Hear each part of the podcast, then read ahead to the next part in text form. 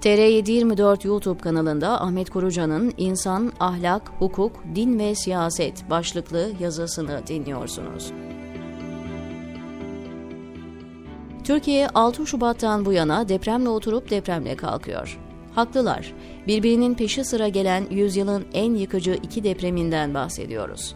Binlerce binanın yerle bir olduğu ve on binlerce insanın vefat ettiği tabii afet söz konusu olan Psikolog ve psikiyatristler böylesi büyük yıkım meydana getiren tabii afetler sonucunda toplumların dört evreden geçtiğini söyler. Şok, öfke, uzlaşma ve restorasyon.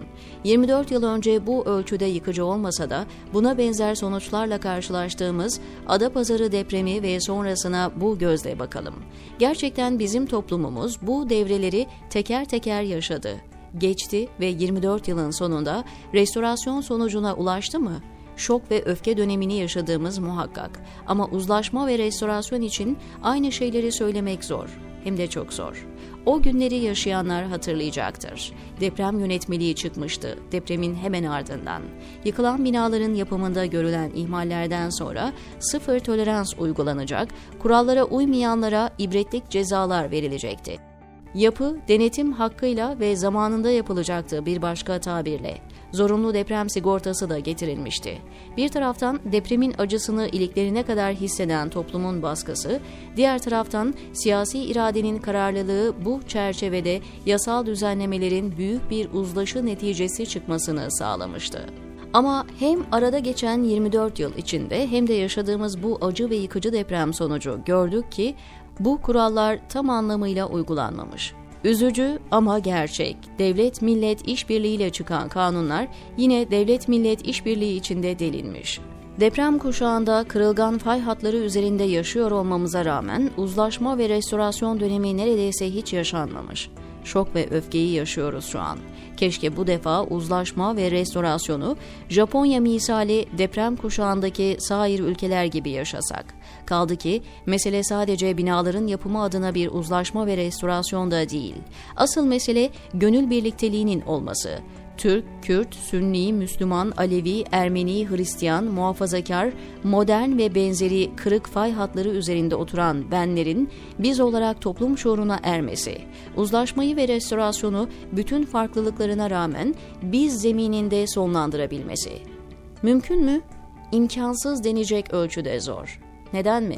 21 yıldır devam eden AKP iktidarı, sonradan ona eklemlenen MHP ve ulusalcı, ulusolcu, Atatürkçü ve irili ufaklı daha kimler varsa iktidar ortaklarının kullanmış oldukları dil ve başta uygulaya geldikleri ayrımcı politikalar bunun en büyük engeli ya bendensin ya da teröristsin söylemini ele alın arzu ederseniz. Çünkü iktidar bileşenlerine göre muhalif olan herkes terörist.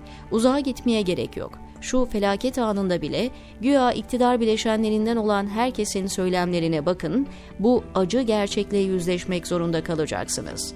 Daha dün enkaz altında kalan bir cana daha ulaşmak için yapıcı önerilerde bulunanlara Cumhur'un sözde başı olan adam, şerefsiz, haysiyetsiz ve namussuz demedi mi?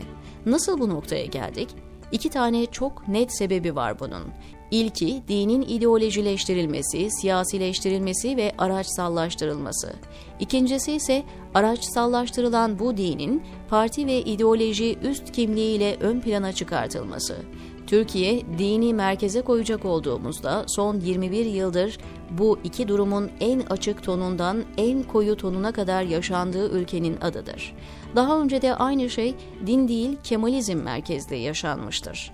İster sağ, ister sol, ister din, ister din dışı, ister İslami, ister seküler hangisi olursa olsun bu zihniyet böyle devam ettiği müddetçe Anadolu coğrafyasında yaşayan farklı inanç, mezhep, etnik köken, ideoloji, dünya görüşü ve hayat tarzına sahip insanların büyük resim özelinde uzlaşma ve restorasyonu gerçekleştirmeleri imkansız denecek ölçüde zordur. Çünkü din Mezhep, parti, cemaat, tarikat hangisi olursa olsun kimlik aidiyetinin bu kadar ön plana çıktığı bir zeminde o kimlik sahipleri birbirini iter.